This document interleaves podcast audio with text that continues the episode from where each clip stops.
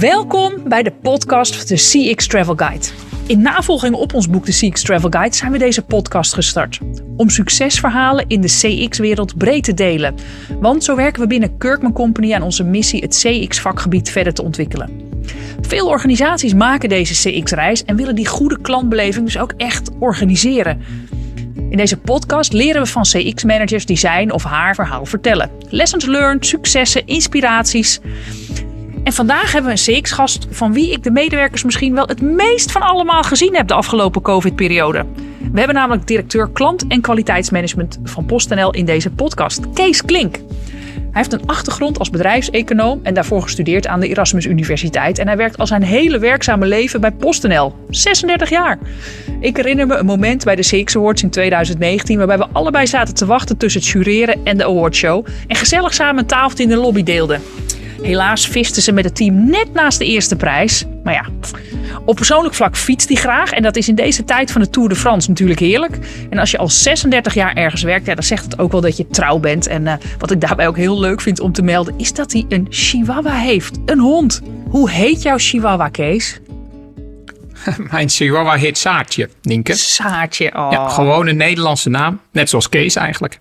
Ja, Kees, Kees en, uh, en Saar. Ik vind het een hele mooie inkleuring van, uh, van wie jij bent, uh, Kees. Heel erg leuk. En fijn dat je er bent. Ja, wij hadden net ook even een klein voorgesprekje en toen deelde ik al dat ik fan ben van PostNL.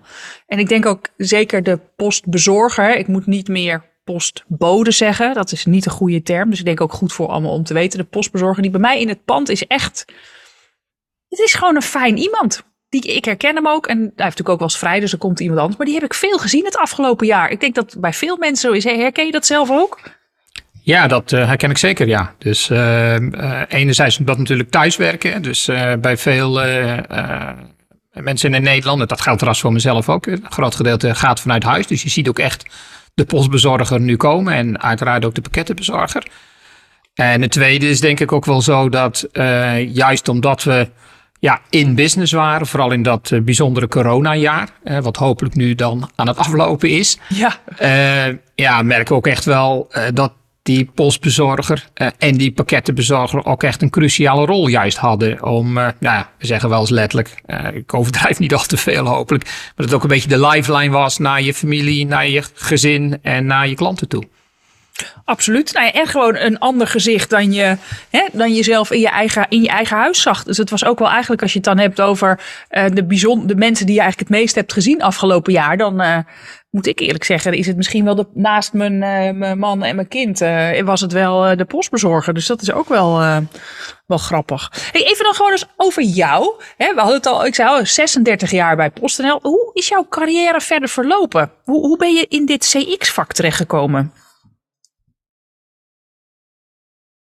Een hele mooie vraag. Zoals je ook net al noemde in de intro, heb ik een economische achtergrond. Ik ben bij PostNL terechtgekomen. Niet omdat ik dat altijd al wilde vanaf uh, toen ik nog in de wieg lag. Maar ja, het was gewoon heel praktisch een bedrijf uh, waar ik terecht kon. En, en, en wat me ook wel uh, goed lag.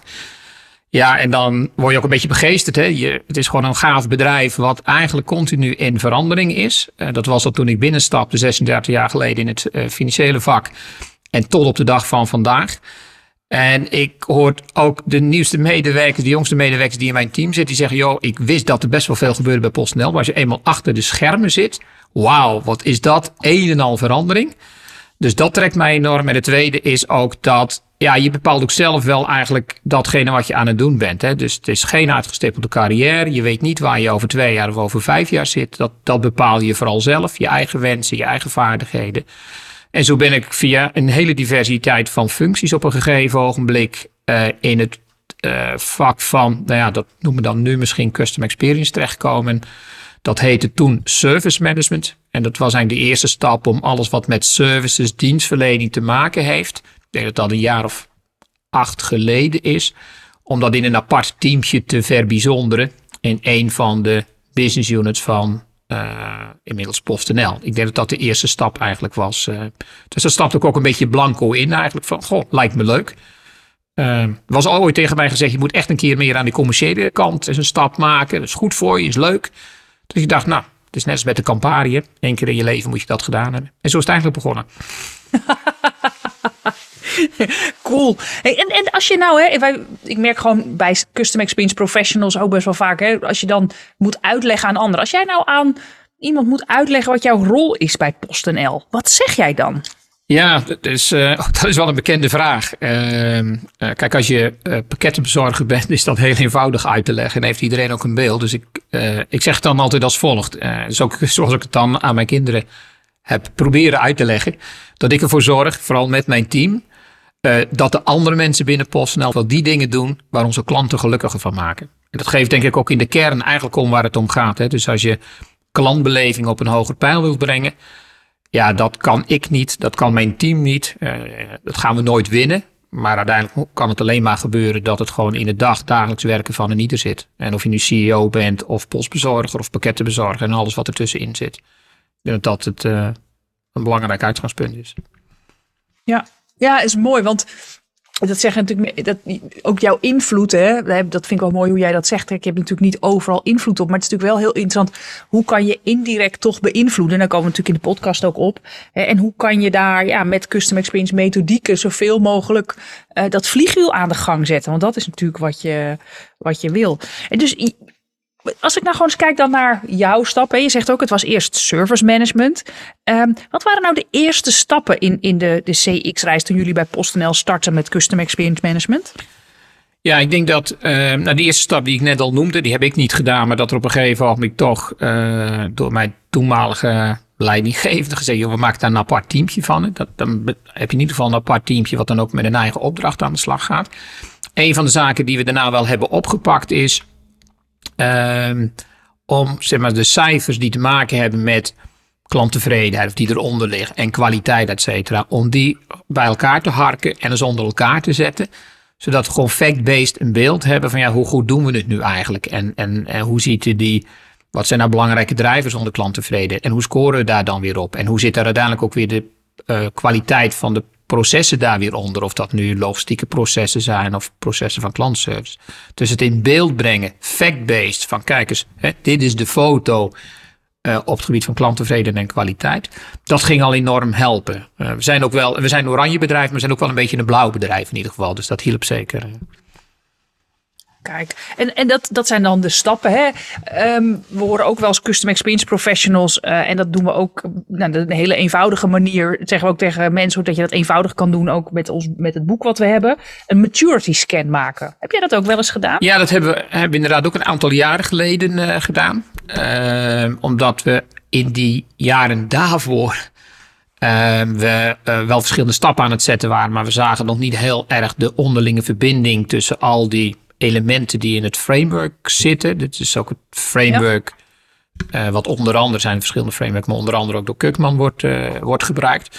En dat hielp ons toen wel om uh, zeg maar al die elementen, of dat nu strategie is, of insights, of, of, of hoe verbeter je customer journeys, de cultuur, et cetera, om dat toch even in onderling verband te zien. En te kijken hoe ons spinnenwebbetje in elkaar zit. Van waar doen we het eigenlijk best al wel aardig en waar blijven we wat op achter. Dat heeft ons zeker geholpen.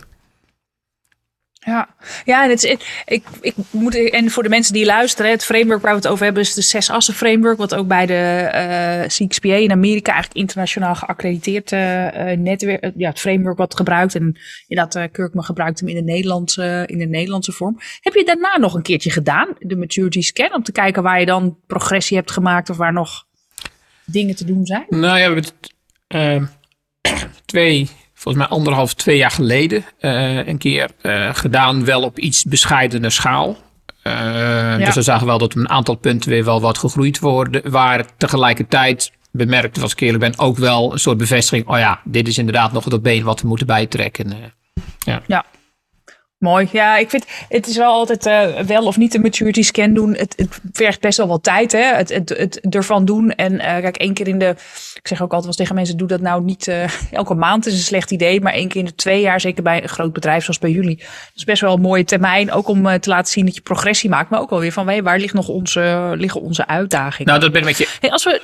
Dat, als ik even aan, dat, dat ben ik met je eens. Hè? Ik denk dat het veel bedrijven, dus bij ons niet anders is het gewoon vooral een beetje, nou ja, niet eens hollen of stilstaan, maar vooral hollen en hollen.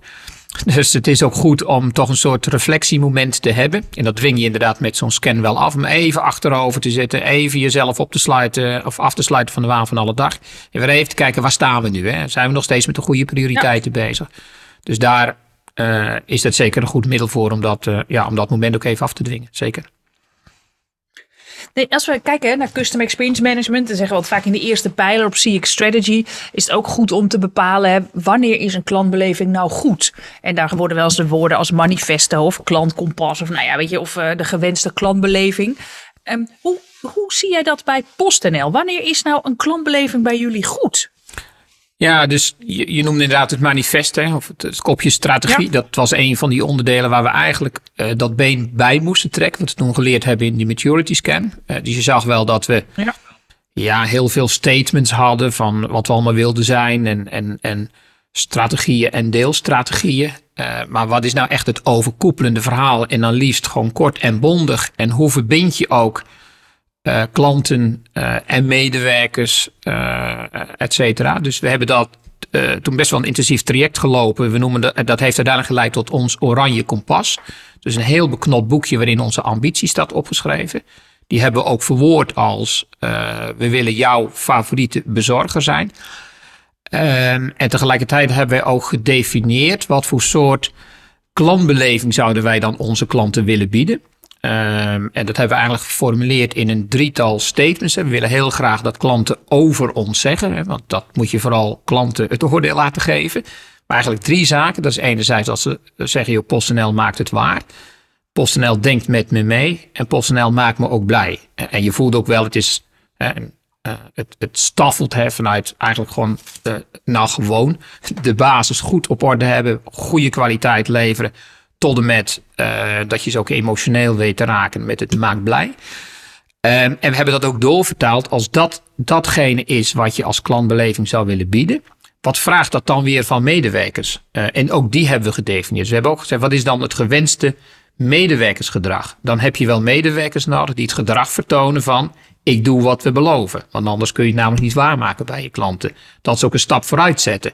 Omdat je anders niet uh, het meedenken voor elkaar krijgt. En ook het contact maken en verrassen van klanten is eigenlijk een gedrags uh, element wat we verwachten van onze medewerkers. En weer een stap, maar ik zal het niet helemaal uit de treuren vertellen, Nienke. Weer een stap verder. Nou, het is wel heel interessant, oké. Oh, nou ja, dus, dus, uh, nou ja, schroom niet. Nou ja, dan toch heel kort. Uh, en wat we daarna weer hebben gedaan is, oké, okay, in wat voor soort stijl van leiderschap vraagt dat dan nu? Hè? Dus dat betekent dan ook dat je eigenlijk van je leidinggevende vraagt, jij moet het jouw medewerkers mogelijk maken om te doen wat we beloofd hebben aan onze klanten, zodat onze medewerkers dat kunnen waarmaken. Dus we hebben als het ware die, die verbondenheid uh, tot stand gebracht tussen wat we voor klanten willen bereiken, wat we willen, uh, uh, hoe onze medewerkers zich ontwikkelen en ja, doen. En wat dan de rol van het management is. En, en het kwam ook voort uit het feit dat we ja, heel plat. We hadden ook enorm veel lijstjes. Dus we hadden gewoon een lijstje met uh, 15 aspecten die we belangrijk vinden waar de klantbeleving aan moet voldoen. En we hadden ook een lijstje wat dan weer vooral vroeg, wat, wat willen we nou eigenlijk met onze medewerkers? En dan hadden we ook nog vanuit management development, wat verwachten we van leidinggevenden? En die hebben we een keer op de tafel neer. En ook, we hadden ook nog onze merkwaarden, et cetera. Dus en ik vergeet waarschijnlijk ook. En als je al die lijstjes op tafel gooide, dan kun je nou niet direct zeggen dat dat allemaal een beetje met elkaar aan het praten was. Uh, dus we hebben eigenlijk gewoon gezegd, get rid of uh, al die lijstjes. En maak daar nou gewoon eens een samenhangend verhaal van. Want het is ook belangrijk om niet alleen zo'n boekje te maken wat daarna in de boekenkast gaat of in je digitale bibliotheek. Maar vooral dat het verspreid wordt in de organisatie. En dat ook leidinggevenden daarover in gesprek zijn met hun medewerkers. Dus niet een programmabureautje die zegt, nou, we gaan even een publiekscampagne eh, doen, of een campagne doen binnen PostNL om dat boekje te verspreiden. We hebben gezegd, dit is ook een thema. Dus we vragen ook van leidinggevenden om hierover in gesprek te gaan met hun medewerkers en dat dan ook specifiek in te vullen ja, voor dat team waar zij dan ook verantwoordelijk voor zijn. En wat we nu aan het doen zijn, is die klantbelevings. Uh, die gewenste klantbelevingsaspecten die ik net noemde, van maak het waar, denk mee, maak mij blij, om die aan onze verschillende journey teams, die we nu recentelijk gestart zijn, maar misschien komen we daar zo meteen ook nog over te sprake, om die als guidance mee te geven. Van kijk eens, als je een journey nu aan het redesignen bent, dan moet je hem zo redesignen dat daar deze klantbelevings uh, uit gaan komen straks. En daar hebben we natuurlijk de discussie over, ja, voor de ene journey kan dat wat anders betekenen dan de andere discussie. Maar zo gaan we ze dan wel, dat is misschien een typisch PostNL woord, hè, gaan we het wel borgen. Hè, dat dat ook echt, ja, nogmaals, niet in een boekje zit. Maar dat het ook echt wel toegepast gaat worden. En uh, zodat we ook die klantbeleving kunnen bieden die we nou, eigenlijk opgeschreven hebben. Ja, ik vind het wel mooi. Want kijk, het is bij heel veel organisaties mist dit eerste stuk al. Wat je ook zei, hè, we hadden allerlei nou ja, uh, dingetjes en lijstjes. En uh, wat ik ook vaak zeg bij de organisatie, de 4G's, de 5H's, de, de 6 O's, weet ik het allemaal wat. Hè. Uh, en, en degene die er het meest van last hebben, is, de medewerkers. Want die, nou ja, die hebben misschien elke keer een van die programma's gedraaid. En die denken bij zichzelf, nou ja, het zal wel. Binnenkort komt het toch wel weer wat anders. Hè. En als je er dan wel eens aan mensen vraagt, wat, hè, wanneer is het dan goed? En dan, uh, zeker, dat is natuurlijk nu ook wel het mooie in deze nieuwe virtuele wereld. En dan doe je van die sessies met elkaar. Ja, en dan krijg je, als je er niet uitkijkt, heb je dan 180 verschillende woorden. Dus ik vind het wel mooi. Ik ben net uh, bezig met wat nieuwe, um, nou ja, wat ik zie. Ik vind het ook wel belangrijk in, in mijn vakgebied te blijven ontwikkelen. En wat ik eigenlijk heb gezegd in Custom Experience Management, zie ik eigenlijk soort twee tracks waar je over moet lopen. Aan de ene kant meer de strategische track, waarbij je echt zegt, hè, ik moet fundamentele dingen bouwen. Als bijvoorbeeld jullie Oranje Kompas, mijn cultuurprogramma, methode methodes, methodiek, weet je het hoe en het wat. Hè? CX-methodes, CX-elementen. Hoe gaan we naar klanten luisteren, dat soort dingen.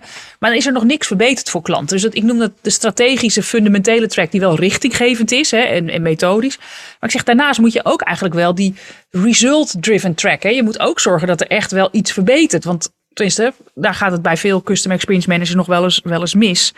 En dan vind ik het ook wel mooi dat je zegt, ons kompas van die, nou in mijn optiek iets meer strategische track, die geeft richting aan dat verbeterstuk.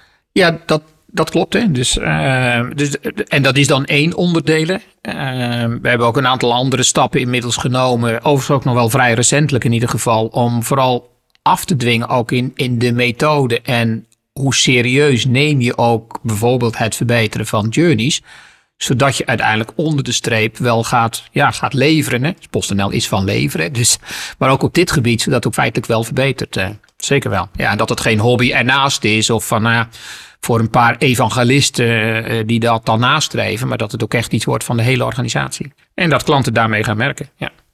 en als je nou kijkt, hè, um, ja, de wereld is natuurlijk eh, goed veranderd. Dat zie ik zelf ook. Ik, moet, ik, ik, ik heb uh, een aantal dingen ook uh, bij jullie in het online domein. Als wij stukken versturen naar onze, onze klanten. Bijvoorbeeld de syllabi van de masterclasses. Dat doen we altijd via PostNL. En ja, dat, dat doen we natuurlijk allemaal. Eigenlijk koop je, nou ja, je, het hele bestelproces gaat gewoon online. Ehm, daarna moet het nog wel ergens naartoe gebracht worden. Maar ja, met, met alle, nou ja, de hele barcodes en zo. En dat erop plakken. Maar hoe verweven jullie nou die gewenste klantbeleving in de contactmomenten met klanten? Hè? Bijvoorbeeld digitaal of offline. Ik weet niet. Heb je daar voorbeelden voor? Ja, misschien een paar voorbeelden die me even te binnen uh, schieten. We uh, zijn al wel een tijdje bezig om ook uh, onze klantcontacten digitaal uh, te laten zijn. Met name als je bijvoorbeeld contacten opneemt met, met klantenservice. hebben we ook een chatbot geïntroduceerd. Maar daar zit ook wel een vloeiende overgang in. Dat ze zeggen, nou, je, je ziet ook wel Enerzijds heeft dat het voordeel dat je ook direct klantcontact kunt hebben. Dat je niet in lange wachtrijen komt te staan, et cetera. Je bent 24-7 ook uh, beschikbaar. Um, en je ziet ook wel dat eigenlijk een aantal gewoon een vaste ja, riedel met vragen soms gesteld worden. Om uiteindelijk gewoon van wie, wie, wie, ben je, waar zit de klacht, et cetera. En je ziet dat dat ook gewoon versnelt en dat klanten dat ook prima vinden om dat digitaal te doen. En dan zie je dat je een aantal vragen ook prima digitaal kunt afhandelen. En daar waarin het wat complex wordt of klanten nader vragen hebben, dat die dan zeg maar vloeiend, ja, bijna warm doorverbonden wordt naar een agent. Hè? Dus tussen digitaal en non-digitaal wordt die dan wel doorverbonden, zodat een agent weer op niet, niet, niet opnieuw die hele vragenlijst moet aflopen die je net digitaal namelijk als klant hebt ingevoerd. Dus, dus daar zie je al wel dat dat een wat vloeiende overgang is tussen online en, uh, en, en, en offline. Uh, uh, kijk, en een ander voorbeeld tussen, uh, ja, tussen, tussen de, ook de verbinding tussen contacten, is dat je ook wel ziet. Maakt een tijd, een tijd geleden zijn we met die ontwikkeling ook wel begonnen. Met name uh, zit het dan aan de klant van zakelijke, aan de kant van zakelijke klanten. sommige klanten hebben een account manager, sommige klanten hebben een telefonische ingang. En soms zie je ook dat klanten beter af zijn, dat het prima is om ook een telefonisch contact te doen. Alleen is het wel een stap om van een accountmanager te gaan naar een telefonisch contact. En vaak is het in de perceptie zo dat ze denken, oh dan, ja, dan ben ik zeker niet meer zo belangrijk of zo als ik alleen maar kan bellen in plaats van dat ik ook een accountmanager krijg. Dat was zo wel een aardige, even een sidestep, want wij dachten, ja, maar als je een accountmanager biedt, ja, dat is, nou, dat is dan toch echt wel geweldig. Daar behoor je toch eigenlijk als klant weer wel blij mee te zijn. Totdat we dat dus ja, gingen na, navragen en wat vonden klanten ervan. Er waren een heleboel klanten die ook zeiden: Ja, joh, ik, ik zit prima. Ik zit helemaal niet te wachten op een accountmanager. Eh, prima dat ik vooral eh, eh, telefonische contacten kan aangaan. Dus maar één ding. Als er shit is, moet je gewoon zorgen dat het voor mij opgelost wordt. Dus dat gaf bij ons ook weer wel de AI op een aantal jaren geleden. Oké, dus hè, ons beeld van hoe je klanten bedient, hoeft niet hetzelfde te zijn voor die klant eigenlijk zelf uh, die klantbediening ziet. Dus we hebben toen ook wel een shift teweeg gebracht tussen telefonische, tussen accountmanagement bediening en een telefonische bediening. Maar we hebben toen wel voorkomen dat je dan klant wordt in een callcenter waar 100 agents zitten. Dus en, eh, dat je één van de velen bent. En dat je daarmee ook grote kans dat je iedere keer iemand anders aan de telefoon krijgt. Dus hebben we toen zogenaamde branche teams uh, opgericht. Dat betekent per branche uh, zit er een team van vier, vijf, zes mensen die ook medewerkers, die ook specialist zijn in die branche, die de ontwikkelingen volgen in die branche. En die dus met die kennis en ervaring klanten die in die branche uh, vallen ook uh, daarmee contact hebben. En gewoon een praktische bijkomstigheid is natuurlijk de kans heel groot dat als jij één dat team belt, dat je altijd wel één van de mensen krijgt die je al langer kent als klant. Hè? Dus, dus daarmee hebben we uh, ja, denk ik. Uh, en we hebben trouwens ook de overgangen van account management naar het, het, het, het, de telefonische bediening. Hebben we ook met veel zorg uh, omgeven. In de zin van, ja, kijk eens, uh, niet van, nou ja, voortaan heb je een telefonische ingang, dit is een telefoonnummer. Maar dat het ook maar, maar dat het ook gewoon netjes begeleid is. Dat de accountmanager dat ook besproken heeft. Hoe gaat het dan in zijn werk? Dat de telefonische collega's dan ook letterlijk zichtbaar zijn gemaakt met foto's, et cetera. Dus nou, dat is in ieder geval een, zodat die klantreis zeg maar wat soepeler verloopt dan we denk ik jaren geleden zouden hebben gedaan.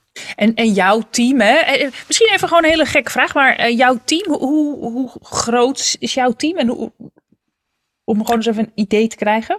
Uh, mijn team is, eens kijken, mannetje of 14, denk ik ongeveer. Ja.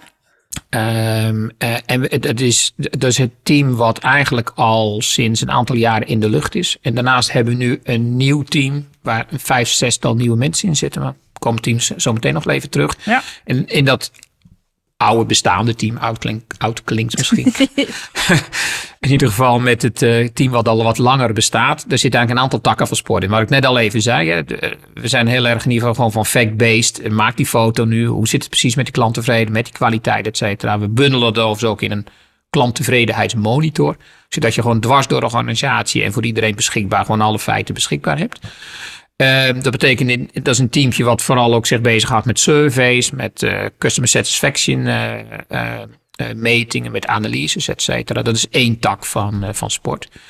Er zitten een aantal mensen ook in die, er zijn maar echt één of twee, die vooral de slag maken van oké, okay, als dit de insights zijn, ja, wie, wie zou dan welke actie daarop moeten ondernemen? Dus die is als het ware ja. in gesprek met de business. van oké, okay, als dit nou de uitkomsten zijn, ja, welke acties, hoe zou je dat het beste kunnen vertalen in twee dingen? Dat is aan de ene kant, wat zijn relevante KPI's? What got message gets done. Dat is typisch toch ook wel een kenmerk van PostNL.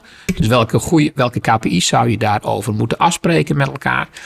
Um, en, uh, en welke acties horen daar dan ook bij om uh, uiteindelijk die ultiem die klanttevredenheid te, te verbeteren.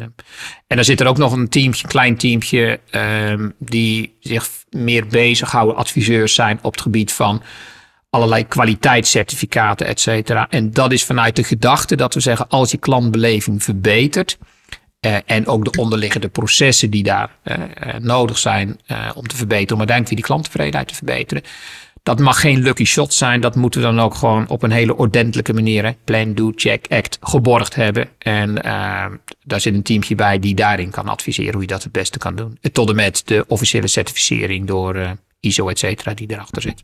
Kijk, kijk, mooi. Dus dat is het bestaande team. Ja. Ja. Hey, en ehm, kijk, we hadden het net al even over, hè, over COVID en eh, de impact die het heeft op organisaties, op veel klanten van mij, maar ook ja, CX-managers heeft het grote impact. Ik eh, durf te zeggen bij jullie natuurlijk mega.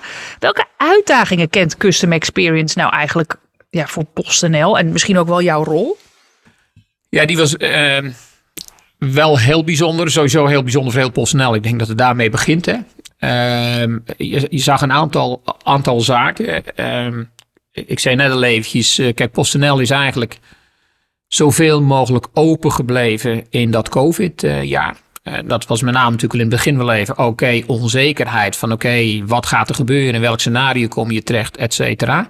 En er is toen dan wel heel snel in ieder geval een, een centraal clubje georganiseerd. Het zijn echt drie mensen. Met daarin wel aangesloten de verschillende business units en relevante afdelingen. En dan moet je denken aan, uh, aan HR bijvoorbeeld, uh, IT. dat die bij elkaar kwamen. En eigenlijk een soort centraal punt werden in de organisatie om een aantal zaken gewoon heel goed met elkaar onderling af te stemmen en zo snel mogelijk besluiten te nemen. Omdat dat natuurlijk in een crisis cruciaal is. Um, en in dat, in dat centrale teampje uh, zat ik dus ook, heb ik ook in meegedraaid. Uh, en uiteindelijk ging het natuurlijk om om uh, met de veiligheid van onze medewerkers, onze partners en onze leveranciers voorop maximaal wel in bedrijf te blijven. en dat betekent dus wel dat we onze kwaliteit en de processen die eronder liggen zoveel mogelijk wilden borgen. Maar het betekent wel dat we echt heel snel onze processen hebben moeten aanpassen op anderhalve meter. Nou, kun je je voorstellen bij sorteercentra. Als jij een pakje krijgt, uh, Nienke, dan, hè, dan, dan, dan, dan hoef je niet meer af te tekenen. Maar dan moest je de laatste drie uh, karakters van je identificatiebewijs laten zien. Dat, dat moest wel in allerijl geval geregeld worden. Omwille van de veiligheid van onze medewerkers. Maar daarmee zijn we er wel in geslaagd om in bedrijf te blijven. Dat was natuurlijk cruciaal, omdat je zag dat ja, families, gezinnen gingen allemaal uh, enorm veel kaarten naar elkaar sturen. En de e-commerce is natuurlijk nog een keer herontdekt. we hadden natuurlijk al een heleboel e-commerce players. Nou, daarvan zie je dat die volumes enorm gestegen zijn. En je ziet dat ook veel andere uh, bedrijven, klanten die nog niet over waren op e-commerce, die dat nog niet bedacht hadden, die ontdekten dat razendsnel. Dus dat betekent dat er een enorme stortvloed van ja, volumes ook uh, los zijn gekomen. En uh, ja, die hebben wij met man en macht in ieder geval trachten te verwerken en op tijd te bezorgen. Uh, en dan is eigenlijk de waarneming ook wel dat iets wat je eigenlijk een beetje voor granted neemt. Hè, van ja, je moet een pakje gewoon uh, of, een, uh, of, een, of een kaart of een brief van A naar B verzenden op het goede adres, op tijd, onbeschadigd. Hè, hoe bazaal kan het zijn? Dat dat opeens eigenlijk heel bijzonder werd. En dat is ook wat we van klanten terugkregen. Dus iets wat we eigenlijk achter ons gelaten hadden, ja, dat zit wel goed. Ja, daar moest je enorm veel energie in steken, omdat nogmaals die volumes enorm gestegen waren en je met allerlei aanpassingen in je processen moet werken. Um, en ik denk dat we daar meer dan goed in geslaagd zijn. Een tweede element is wel, er gaat natuurlijk vast iets fout. Uh, het zijn zulke uh, volumes dat je ze niet altijd kunt verwerken. Precies op die momenten waarop de klant ze graag aanbiedt. Dus dat moet je dan wat verspreiden. Wil je je netwerk ook niet uh, verstoppen. Dus in die zin is communicatie ook enorm cruciaal. Communicatie van wat je wel doet, maar ook communicatie van wat misschien niet in één keer lukt. Um, en dat is weer cruciaal om dan weer wel een communicatie te hebben die exact hetzelfde is, intern als extern. Dat zijn een aantal open deuren die altijd gelden. Maar ik heb gemerkt dat dat vooral in zo'n zo'n heel bijzonder jaar als het afgelopen jaar super cruciaal zijn. En, en ik denk dat dat vooral, dus eigenlijk redelijk basic, zorgt dat je je kwaliteit levert. Zorg dat klanten ook weten wat ze mogen verwachten. Als het een keer verkeerd gaat, oké, dat kan gebeuren. Maar zorg dat je daar dan ook weer heel helder over communiceert. Dat is, eigenlijk was dat vooral, denk ik, de belangrijkste opdracht om voor elkaar te boksen in uh, 2020. Uh, en, en het volledige redesignen van journeys, et cetera, merk je dat je zegt, oké, ja, nu, nu even iets, uh, even in de wachtstand. Dat doen we even op een ander moment. Uh. Ja, dat kan ik me ook gewoon goed, ja. uh, kan ik me ook goed voorstellen. Ja. Hey, en dan is het naar, naar data. Je hebt het al een beetje genoemd. Hoe gebruik jij data en inzichten om te komen tot die verbeterde klantbeleving? Hoe doen jullie dat in jouw team? Ja, ik denk, ik denk dat data op, op verschillende manieren cruciaal is. Hè? Dus um, als je kijkt nu naar hoe je journeys wilt, wilt redesignen, dan is daar natuurlijk gewoon alle elementen van digital geven daar volgens mij enorm veel mogelijkheden toe om die journeys ook structureel te verbeteren. Dus het biedt de mogelijkheid om het, radicaal simpel voor je klanten te gaan maken. En ik denk dat gewoon simpelheid, eenvoud, hè, dat is misschien een beter term dan simpelheid, maar eenvoud, gemak, et cetera, dat dat echt nog wel iets is waarmee je een onderscheidende klantbeleving kunt bieden. Totdat we het allemaal eenvoudig en gemakkelijk hebben gemaakt. Maar volgens mij zijn we zover nog niet in, uh, in het hele bedrijfsleven. Uh, en data is op twee manieren van belang. Dus aan de ene kant om goed te analyseren van ja, waar zit eigenlijk gewoon de pijn? Of waarom scoort deze journey nou zo laag? Of waarom is deze klanttevredenheid zo laag? En het koppelen van uh, klanttevredenheid of klantenfeedback aan uiteindelijk operationele data.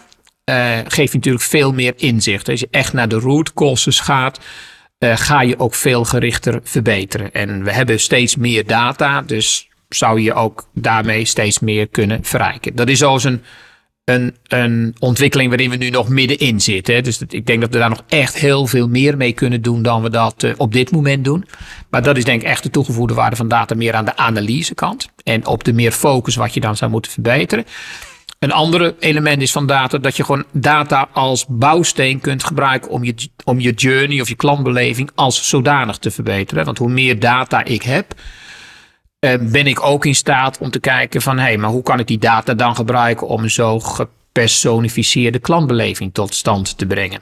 Of kan ik data van de verzender of van de ontvanger juist gebruiken om de journey van de verzender of de ontvanger uh, weer te verbeteren? Hè? Dus dat is niet als analyse-instrument, maar als bouwsteen in je journey.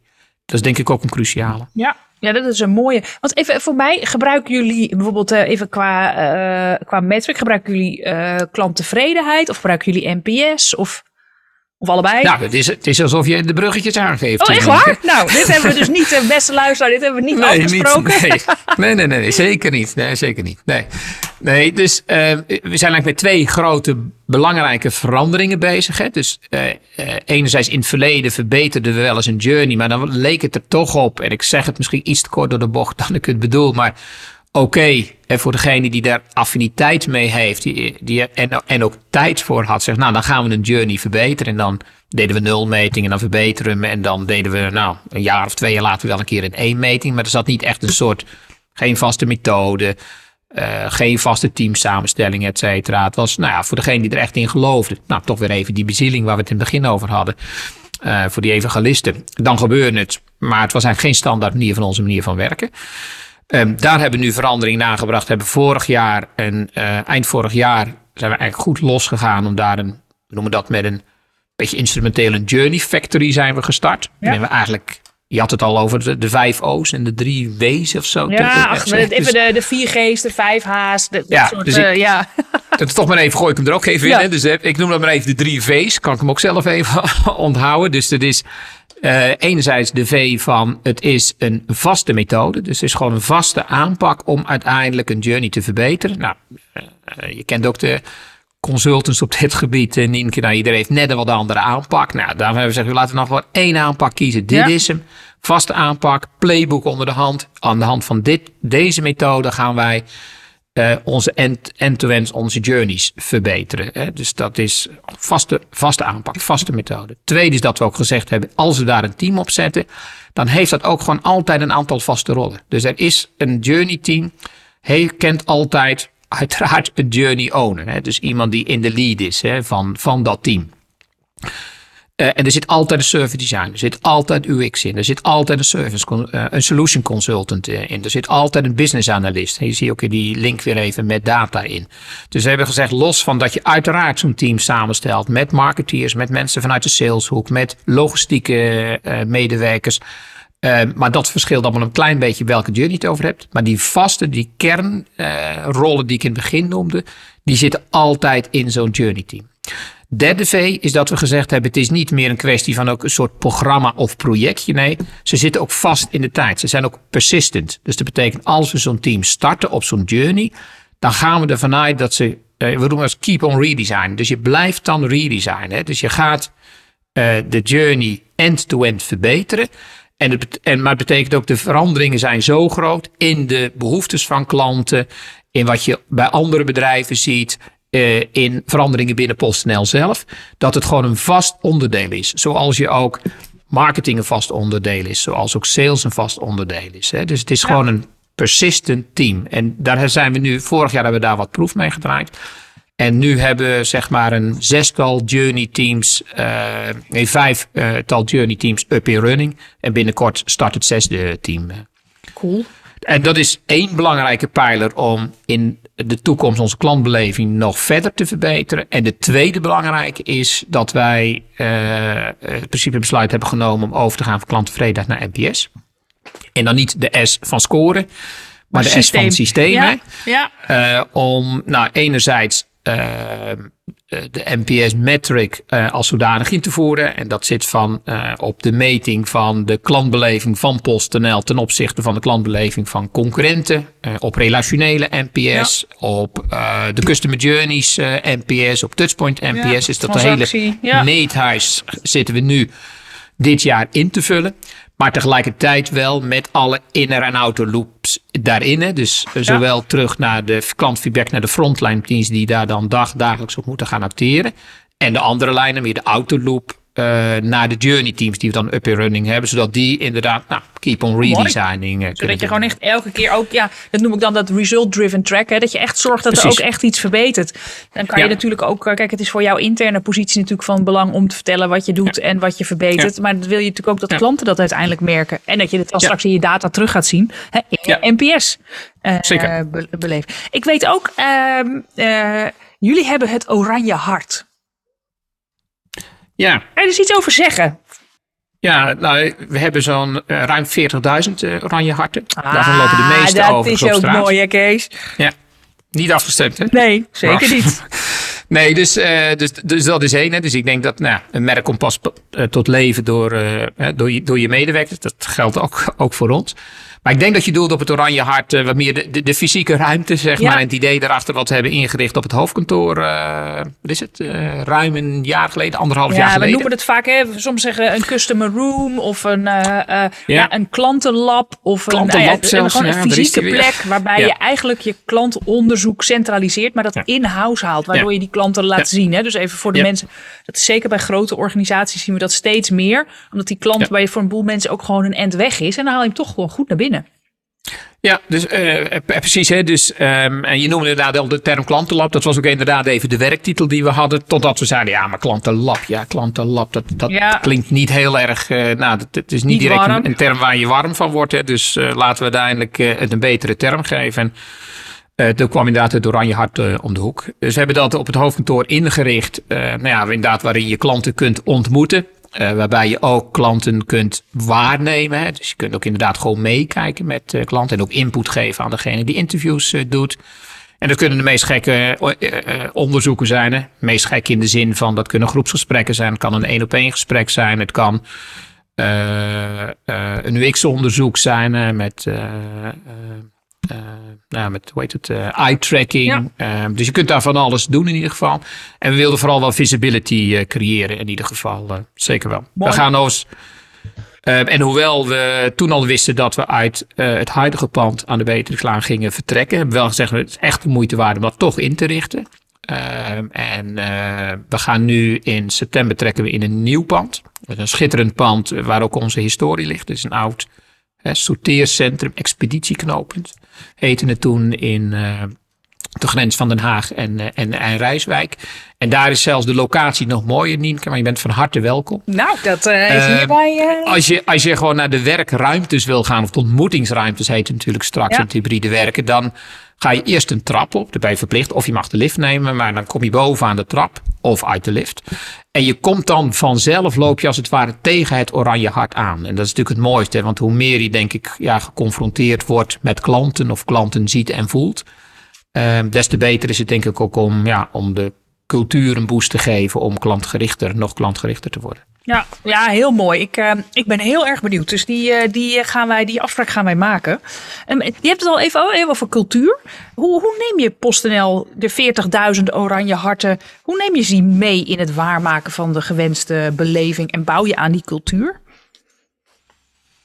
Ja, dat is. Uh, ja, je noemde hem al even, 40.000 40 medewerkers. Ehm, ik denk dat daar een paar zaken van, van, uh, voor van belang zijn. Hè. Dus ik, ik noemde al net al even, het verhaal ga ik niet helemaal nog een keer over doen.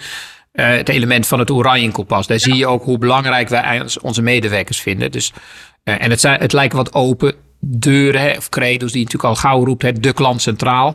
Maar bij ons is het wel de klant centraal, maar de medewerker voorop. Hè. Dus we geloven ook echt dat alleen via de medewerkers uiteindelijk je uh, klanten centraal kunt stellen en klanten ook blijer kunt, uh, kunt maken. Uh, en de hele oranje kompas en de, de uitrol daarvan. En dat ook communiceren naar medewerkers en daarover in gesprek zijn met medewerkers. Daar neem, dan, daar neem je dus ook al medewerkers van mee. Dus dan laat je ook zien waarin, hoe belangrijk ze ook zijn. Ik denk ook in onze uitingen. Uh, en ik denk dat er ook hele mooie uh, foto's in de coronatijd over in de, in de dagbladen zijn uh, verschenen. Ja. Laat ook echt zien en voelen dat we enorm veel respect en waardering hebben voor onze medewerkers. Dat wil niet altijd zeggen van is het altijd koek en ei of is er niet iets wat een keer schuurt of wat niet helemaal lekker loopt. Uiteraard is dat er ook, maar zit wel een heilig geloof in ieder geval dat uiteindelijk medewerkers, dat dat ook de belangrijkste asset is van je, van je bedrijf. Um, en wat we ook uh, doen, en ik mag dat uh, ook de komende dagen doen, is uh, als er. nee, we hebben twee, los van dat we ook vooral aanmoedigen om complimenten te geven aan medewerkers. Het is een soort way of life zou dat moeten zijn. Hebben ook wel twee elementen die ik wil noemen die misschien wel aardig zijn. Dus dat we um, en vooral ook ik noemde dat even onze digital kanalen. Maar uh, we hebben ook complimenten. Je hebt ook een complimentenbutton bij ons op, uh, op, ons, op onze site zitten. Die hebben we uh, jaren geleden een keer erop gezet toen we onze klachtenbutton wat verbeterd hebben. Dus nou, zet er nou ook gewoon een complimentenbutton ja, tegen. Dus, Wie weet wat er gebeurt. Ja. Hè? Dus, en daar word je er ook wel uitgenodigd om het compliment zo specifiek mogelijk te maken. Je zegt, nou, ik, ja, ik, ik vind dat jullie het wel top doen. Dat is heel mooi om te horen. Maar het liefst horen we dat je zegt van nou, kijk eens, bezorger Chris bij mij in de wijk. Ja, die is echt wel, die zorgt er gewoon, ja, die is altijd vrolijk uh, als die hier uh, zijn pakje afgeeft. Of die heeft even geduld voordat ik beneden ben. Nou, maakt mij wat uit, hè, maar dat het zo concreet is. Want wat we daarna doen, is dat we dan wel zorgen dat dat compliment in de letterlijke tekst van de klant ook uiteindelijk met een aardigheidje erbij bij, die des, bij Chris terechtkomt in dit geval. En ik weet niet hoe het bij jou is, Nienke, maar als je het gewoon rechtstreeks hoort van een uh, klant of, uh, of je leest de letterlijke tekst, dat is altijd anders dan dat je tegen Chris zegt: Ja, Chris, ik heb gehoord dat de klant tevreden was over je. Ja. dus, dus zo ja, uh, doen we dat. En, die, en nou is het dus wel aardig dat die. die, die, die, hoe heet dat? Die, die box, die inbox, die ontplofte ook echt tijdens corona. Wow. Met anekdote was het iemand bij mij ook zorgt dat dat proces goed loopt. Die heeft er ook een budget voor, want we geven ook een aardigheidje weg. En die help, help Kees, mijn budget is op. Mijn budget is in één keer op. ik zeg, nou, wat mij betreft gaat die drie keer eroverheen. Ja, dit is, dus dat mooi, is dit is de mooiste budgetoverschrijding volgens mij die je kan trots maken. Trots op. trots op, zeker. En uh, de tweede is, en dat is inderdaad wat ik over een, uh, een paar dagen mag doen. We hebben ook ieder kwartaal, we hebben daar ook een een wedstrijdje van gemaakt, een soort contest. Van nou ja, wie is nou, hè, wat zijn nou de best cases, de goede cases die uh, we de afgelopen kwartaal hebben gedaan. Waarin medewerkers eigenlijk een stapje vooruit hebben gedaan, stap extra hebben gedaan. Waar hebben ze laten zien dat ze ook echt het uh, goed voor hebben met de klanten, hun klant gelukkig hebben gemaakt. En eigenlijk hebben we daar een hele simpele wedstrijd gemaakt. Iedereen kan iedereen opgeven. Dus dat betekent, uh, je, kan, je kan je eigen medewerker opgeven, je kan een collega opgeven. Je kan zelfs jezelf opgeven. Maar ik heb gemerkt in al de afgelopen jaar dat er maar heel weinig medewerkers zijn die zeggen: Nou, heel, ik heb mezelf opgegeven. Ik heb zelf Nederlands. Dat doen wij. Nee, dat is heel, heel Nederlands. Nee, als precies. jullie een Amerikaans bedrijf zouden zijn, zou het heel anders gaan. Precies. Nou, dus dat zie je inderdaad dat er toch een behoorlijke mate van bescheidenheid uh, in zit. Dat is typisch Nederlands, denk ik. En dan, uh, nou, dan maken we een shortlistje van al die inzendingen. En dan zeggen we, ja, dan is er maar één beste publiek die kan kiezen. We hebben niks met vakjuries te maken. En dan gaat het gewoon terug uh, digitaal en niet digitaal naar al onze medewerkers. En die mogen dan gewoon stemmen. En die nemen dan de moeite om digitaal of via kaartjes te stemmen. En dan uh, mag ik, ben ik gezegend om die prijs dan ook uh, uit te reiken. En dat is ongelooflijk gaaf, want bijna iedereen zegt: Ja, ja maar Kees, ik, ik, ik, ik doe gewoon mijn werk. Hè. Dus En, dat, uh, en dan zeg je, ja, dat zal dan allemaal wel.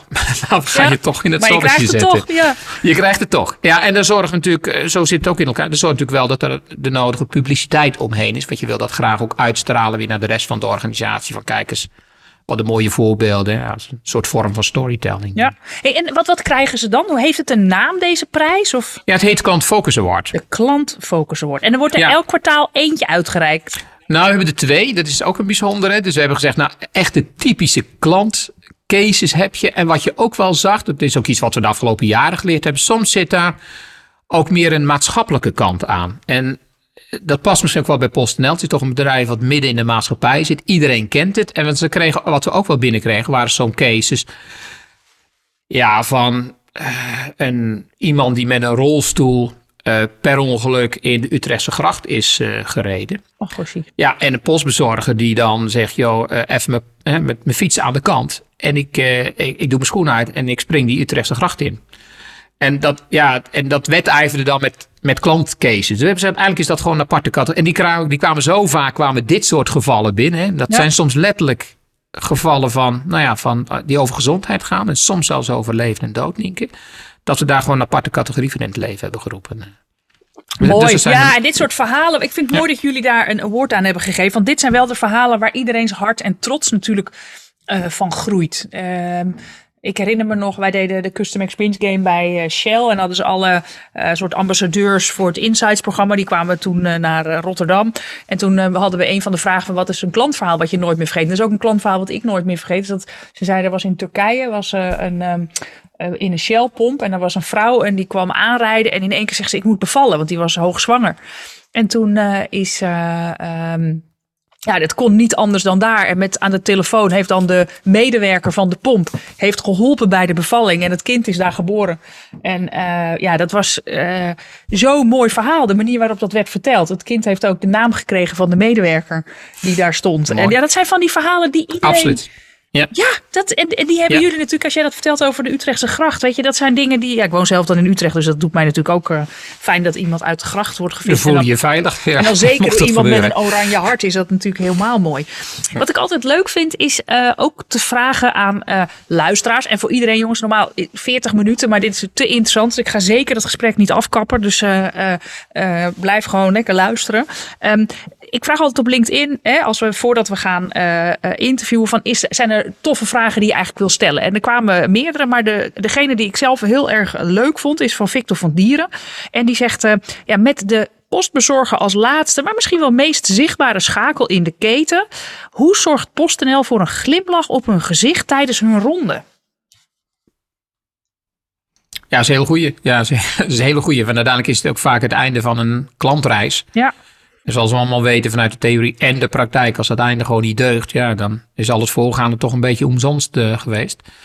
Ehm, nou, voor een deel heb ik volgens mij dat net al even aangegeven als het erom gaat van nou, hoe nemen ze nou ook mee met de belangrijke rol die ze hebben. hè, De oranje kompas, eh, met de waardering die we ook hebben, met de, nou, met de prijzen die we Ja. net eventjes, met de onderscheiding die ik net eventjes noemde.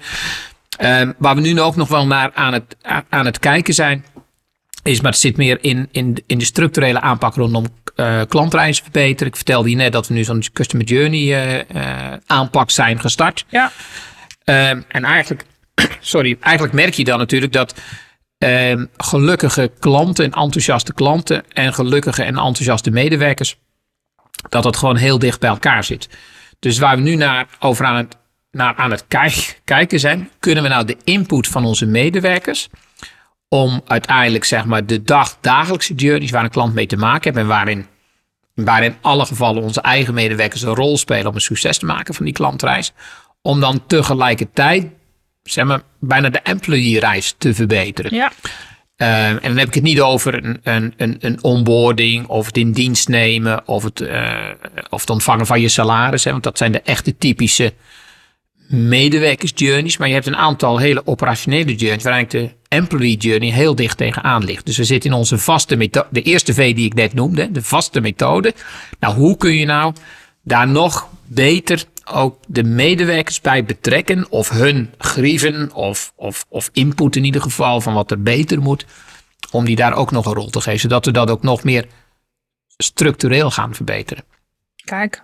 En, en want hè, wij, dat is natuurlijk ook bij veel van uh, de CX-managers. Je hebt natuurlijk de mensen bij jullie in dienst. En je hebt natuurlijk jullie business partners. Hè? Dus niet alle postbezorgers en pakketbezorgers zijn natuurlijk bij jullie in dienst.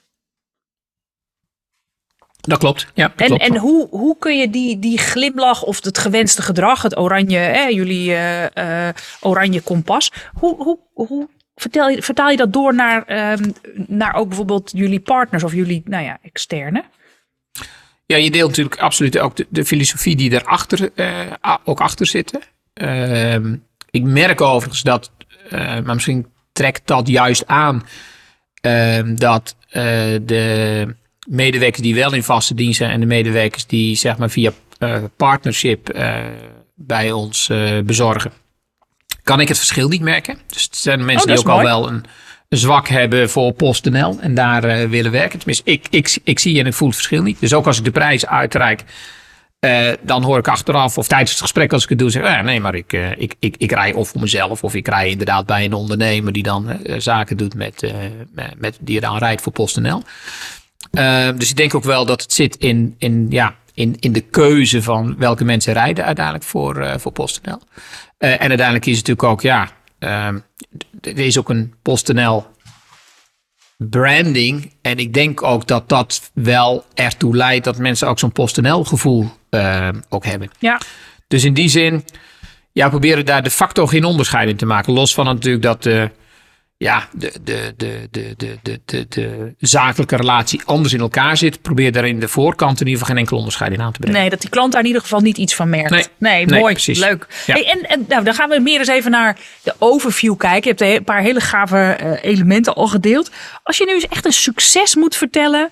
Waar, dat je zegt, nou, dat vind ik echt... dat hebben wij met CX en met mijn team... hebben wij dat gehaald. Welke wil je dan graag delen aan de, aan de luisteraars? Ja, ik, ik, wat ik wel heel mooi vind is. Uh, nou, dus, ja, ik weet niet of we twee, twee, twee mogen. Nou, kom maar door om met twee. Hè? Ja, dan kan je altijd. Uh, ja, Nee, we willen ze allebei of, horen. Of nee, er zit er eentje van. Ik, ik, ik zat inderdaad wel even net nog even na te denken. Van hoe ben je nou ooit gestart? Hè? Dus, dus ik denk dat één, één belangrijk, vind ik ook wel een cruciale. Dat is ook wel een achteraf, denk ik, achteraf misschien veel meer nog een, uh, een expliciet leerpunt geweest. Hè. Dus in het begin was het vooral ook wel uh, een soort, ja, maar klanttevredenheid, CX hadden we jaren geleden nooit over uh, gehoord. Hè. Uh, te, in ieder geval, we noemden het niet zo. Nee. Dus we noemden het inderdaad service management. En, um, en daarna klant- en kwaliteitsmanagement.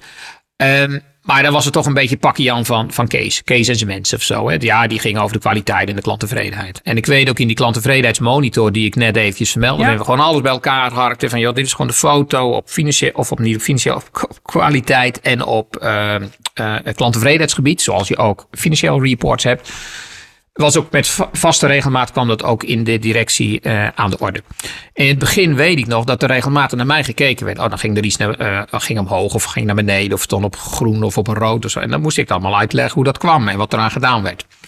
En daar is toen op een gegeven moment wel hebben dat omgedraaid. Dat ik zeg, nou ja, maar goed, kijk, vol, vol, volgens mij bezorg jij hier pakjes.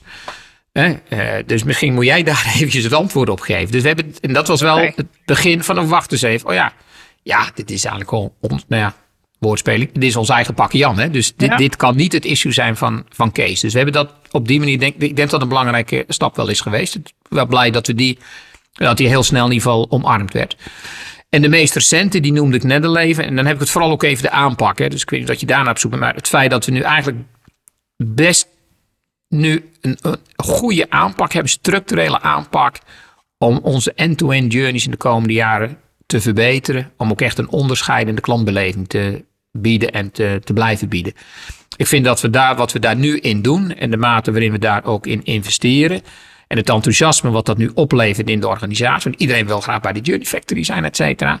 Ja, dat, daar ben ik wel heel blij mee. Omdat dat denk ik echt een versneller kan zijn om onze klantbeleving op een nog hoger pijl te brengen. Ik vind ook dat je er mooie woorden voor kiest. Um, misschien ook voor de luisteraars. Ik merk ook bij met wie wil je samen, wie willen met jou samenwerken in het bedrijf. Maak het dan ook een beetje leuk en interessant. En dan is ja, een Journey Factory klinkt, in de, klinkt natuurlijk gewoon tof. Dus dat doe je slim. Oh, nou, ik, ik moet zeggen, dat is aardig dat je dat zegt. Mijn, mijn eigen associatie was een beetje net als met het klantenlab, van of het niet te instrumenteel is. Maar misschien moeten we er nog eens even goed over nadenken. of dat, dat is, eh, het is echt wel een overdenking voor iedereen. Van, weet je, Ja. eh, we zijn natuurlijk in ons vak, is, heeft een transformatieve aard.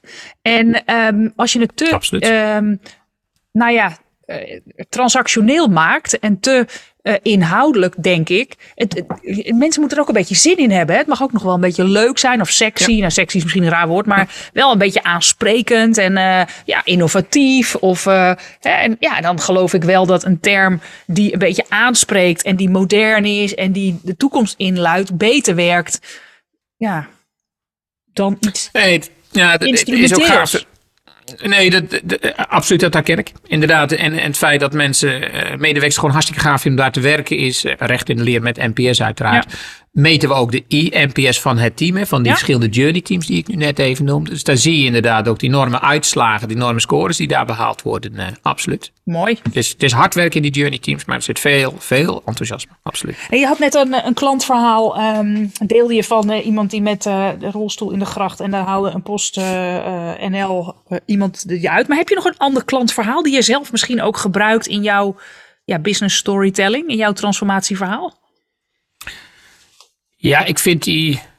Nou ja, ik vind die wel moeilijk. Als er nou één verhaal is. ehm, overigens. ehm, wat, nou ja, wat die verhalen ook. De eigen ervaring heb ik. Soms heb je verhalen. eh, van horen zeggen. Ja. Soms heb ik ook verhalen van jezelf. Van jezelf, We, we hebben ja. ook de pol- we hebben ook de policy overigens. eh, dat is natuurlijk nu iets minder eh, door die coronaperiode. Maar je zag ook dat er wel mede eh, dat klanten zich soms ook vervoegden eh, bij de balie. Die dan naar het hoofdkantoor toe gingen. En zich bij de balie melden. Ja, ik heb echt een vet probleem. En dat moet nu opgelost worden. Dus dat zijn klanten die uiteindelijk er niet uitgekomen zijn met klantservice. Dat zijn dan geëscaleerde klachten of directieklachten. Of geef het maar een naam. En ja, dan heb je wel zoiets. Ja, je kan daar niet degene bij de receptie mee opstaan. We hebben gewoon een, eh, een, een lijstje hebben ze dan. En dan kunnen ze eh, mijn team bellen. Ik sta zelf ook eh, in dat lijstje. Van ja, als er iets is, dan moet je naar beneden komen. En dan ja, moet je alles uit je handen laten vallen. In welke belangrijke meeting je ook zit. En dan ga je gewoon naar beneden toe. Ja, het enige roep ik wel is. Ja, als je op de wc zit, dan kun je dat beter eerder afmaken. Maar voor de rest is er geen enkel excuus om niet naar beneden te gaan. Dus en dat, ik vind dat altijd wel heel, heel leerzaam. Hè. Het is ook soms gewoon ook wel ingewikkeld of moeilijk soms. Want ja, mensen zijn natuurlijk volledig hè, eh, eh, boos in dat geval. Ze komen niet aan de balie om een compliment uit te delen. Maar ik vind dat wel heel waardevol in ieder geval om ook zelf te doen. Ja. Maar wat, wat me wel te, een andere die me te binnen schiet, Nienke. Want dat, het, het- ik mag over twee dagen mag ik zo'n klant focus eh, uitreiken. eh. en ik heb net inderdaad die casus zitten lezen. En eh, nou ja, we doen meer dan een miljoen pakketten per dag verwerken we. Ehm, maar wat er aan de hand was bij, eh, en daar heeft de- deze medewerkster heel goed in gehandeld, vind ik. En terecht dat ze door alle andere collega's als winnaar is eh, uitverkoren. Dat is dat er een, eh, er is een, een jong iemand was overleden. En eh, eh, iemand zei, nou voor die, voor die uitvaart is het mooi dat ik daar een speciaal t-shirt, speciale t-shirts voor laat drukken. En joh, ja, dat moet dan wel op het goede moment uiteraard beschikbaar zijn. Want als het een dag later komt, heb je er helemaal niks aan. Nee, dat is een beetje En, en, te en laat. is natuurlijk een heel emotioneel moment. Ehm, en eh, nou, de, achteraf zagen, er stond gewoon een verkeerde code op. Dus dan, ja, dan loop je heel groot het risico dat in de vertraging gaat. Want dan neem je gewoon een andere afslag. Nou dus de, dus die, die klacht kwam wel binnen. binnen. Nou, en ehm, natuurlijk, dat gebeurt wel vaker. Maar in dit geval, door het verhaal wat erachter zat, heeft eh, eh, deze medewerkster, Rachel eh, heet ze, zei ze, ja, dat zal mij niet gebeuren. Ik ga hier op dit depot, het is het depot eh, eh, Elst, eh het sorteercentrum van pakketten is dat, een depot. Ik ga er nu voor zorgen dat in die hele stroom met pakje, dit ga ik achterhalen. Ik ga gewoon zorgen dat, dit, eh, dat het pakje bovenuit zit. Echt alles op zijn kop gezet, gewoon geregeld. En uiteindelijk is die gewoon die zending boven tafel gekomen, boven water gekomen. En het is gewoon een productielocatie. Er zit helemaal geen, geen, geen, geen er komen normaal gesproken helemaal geen klanten. Maar ze joh, kom maar naar, hier naartoe. Ik ga ze, beloof je dat het er is. En ze haalden het echt uit die stroom. Nou, je wil niet weten hoe blij die klant was. Eh, ja, om eigenlijk zo'n emotionele zending gewoon nog op tijd eh, te hebben.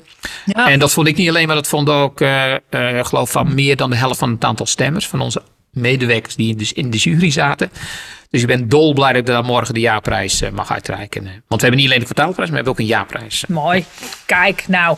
Kijk, als dit wordt uitgezonden, dan uh, heeft ze al op het podium uh, gestaan. Hè? Dus geweldig. Dan Ja. is het altijd ook, hè, als je kijkt naar jouw journey, 36 jaar bij PostNL. maar als je nou kijkt naar echt een grote learning van, van jou in jouw CX-reis als, als ja, verantwoordelijke. Wat, wat is er eentje dat je zegt, oh ja, dat is wel een, een belangrijke. Ja, uh, heb je Kijk, even? het is, uh, voor mij had je het net al even over. De, het gaat over natuurlijk transformeren. Ja. Dus uh, ik denk dat daar veel luisteraars natuurlijk ook. Dat dat het thema is. Het gaat om inhoud en het gaat om transformeren. Ik denk, je moet, je moet wel zorgen dat je wat, wat sjoeg of wat kennis hebt van de inhoud. Dus dat, dat helpt zeker, want anders ben je weg. Dus uh, medewerkers uh, die uh, zelf verstand hebben van wat precies CX is en welke elementen en NPS, et cetera. Dat is dooddoener, maar daar begint hij in ieder geval wel. Dus ik denk dat dat wel belangrijk is. Maar voor de rest is het eigenlijk veel learnings die je in alle andere change trajecten ook tegenkomt. En mijn learning was wel, een van de belangrijkste learnings is wel, en dit past denk ik bij mij, maar ook bij PostNL, is van oké, okay, maak nou niet al te grootse uh, plannen en vergezichten. En, maar st stroop je mouwen op en ga maar beginnen. Zoals Ja. ik ook zei, hè, we hebben ook niet uh, het hele uh, framework van tevoren uit zitten Nee. bedenken. We hadden niet eens een heel framework. we hebben het ook niet zitten invullen en uitwerken en wat we precies wat doen. Let's get started en leer dan wel onderweg. Dus dat is denk ik wel een van de succes, succesfactoren of een van de learnings. En vooral zorg voor uh, enthousiasme. Uh, dus zorg vooral gewoon, richt je vooral op wat goed gaat. Ehm, richt je minder op de mensen die aan de zijkant staan van de bumpy road die je aangaat en die wat kritisch zijn, wat cynisch. dit Ja. hebben we al een keer gedaan. Oh, oh, ik dacht dat het allemaal zo snel ging. Het gaat toch wat langzamer duren. Oh, moeten er zoveel mensen in zo'n team zitten? Nou, Ja. Ga daar geen energie in steken en uh, richt je vooral op, uh, ja, op, de, op de volgers en de enthousiastelingen die meelopen op die Pumpy Road. Kijk. En dan een laatste vraag. Hè? Als jij nou, onze luisteraars zitten in CX, wat is nou echt een tip dat je zegt, die, die, dit zou ik jou, ik, Kees, hè, heb Chihuahua Saar, ik ben verantwoordelijk voor Custom Experience bij PostNL. Dit is mijn tip aan jou. Um, nou, één, het helpt altijd wel om een enorme mindset te hebben van het glas is half vol. Dus het is altijd heel gemakkelijk om te zeggen wat er nog beter kan. Dat is ook, dat is, was, is, was ook een beetje mijn valkuil. Dus ik heb best wel een hoge kwaliteitsstandaard, vind ik zelf, vinden medewerkers om me heen ook wel. Uh, maar nu, dan moet ik expliciet gewoon kijken, het glas is ook half vol. Hè? Dus dat, dat houdt ook gewoon de moed uh, erin. Dus dat is één. En het tweede is, uh, ik denk dat het cruciaal is, zorg dat je zo snel mogelijk gewoon de goede volgers om je heen hebt. Uh, steek ze aan, uh, trek ze mee, uh, deel je geloof en wat je aan het doen bent. Want als het erop aankomt, zijn de volgers uiteindelijk degene die de echte change tot stand brengen. Kijk, nou daarmee ronden we het gesprek af. Geweldig hè? Iets langer misschien dan normaal, maar ik vind het zeer boeiend en um, hele mooie inzichten. Dankjewel Kees en nou, ik hoop elkaar heel snel te zien op jullie mooie nieuwe hoofdkantoor in het, in het Oranje Hart. Met meer dan welkom. Maar dat geldt ook voor de luisteraars over. Kijk, we komen met een hele bus vol. is goed, ze zijn meer dan welkom. En ik vond het leuk om mee te doen, Niepke. Dank Kees. Dank voor de gelegenheid.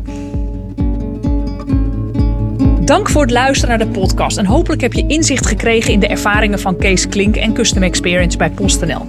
Hele mooie inzichten. En ja, wat ik er zelf uit meeneem, ja, meerdere dingen, want ik heb flink meegeschreven. Die zijn de noodzaak voor dat manifesto. Hè? En dat heet bij PostNL een oranje kompas. Dus die naamgeving vind ik ook gaaf. Waarin dus de gewenste situatie wordt beschreven. Wat de klantbeleving moet zijn. Doorvertaald naar gedrag en leiderschap. Ja, en ik moet ook eerlijk zeggen, de Journey Factory en de methode die ze hebben gevonden om klantgericht te verbeteren, spreekt mij ook aan. Uh, ja, en nog één laatste ding, als ik dat dan mag zeggen. Hun oranje hart, hun klantenlab. Uh, nou ja, jullie hoorden al hoe nieuwsgierig ik daarnaar ben om daar uh, naar te gaan komen kijken. Dat is een prachtige manier om de klant naar binnen te halen. Outside in naar binnen. Wil je meer weten over al onze podcasts die er zijn? Of de informatie uit deze podcast in de show notes bekijken? Kijk dan op www.kirkmancompany.com slash podcast. En Kirkman, dat schrijf je als Kirkman. Nou, de podcast staat ook op Spotify, dus daar ben je natuurlijk ook van harte welkom.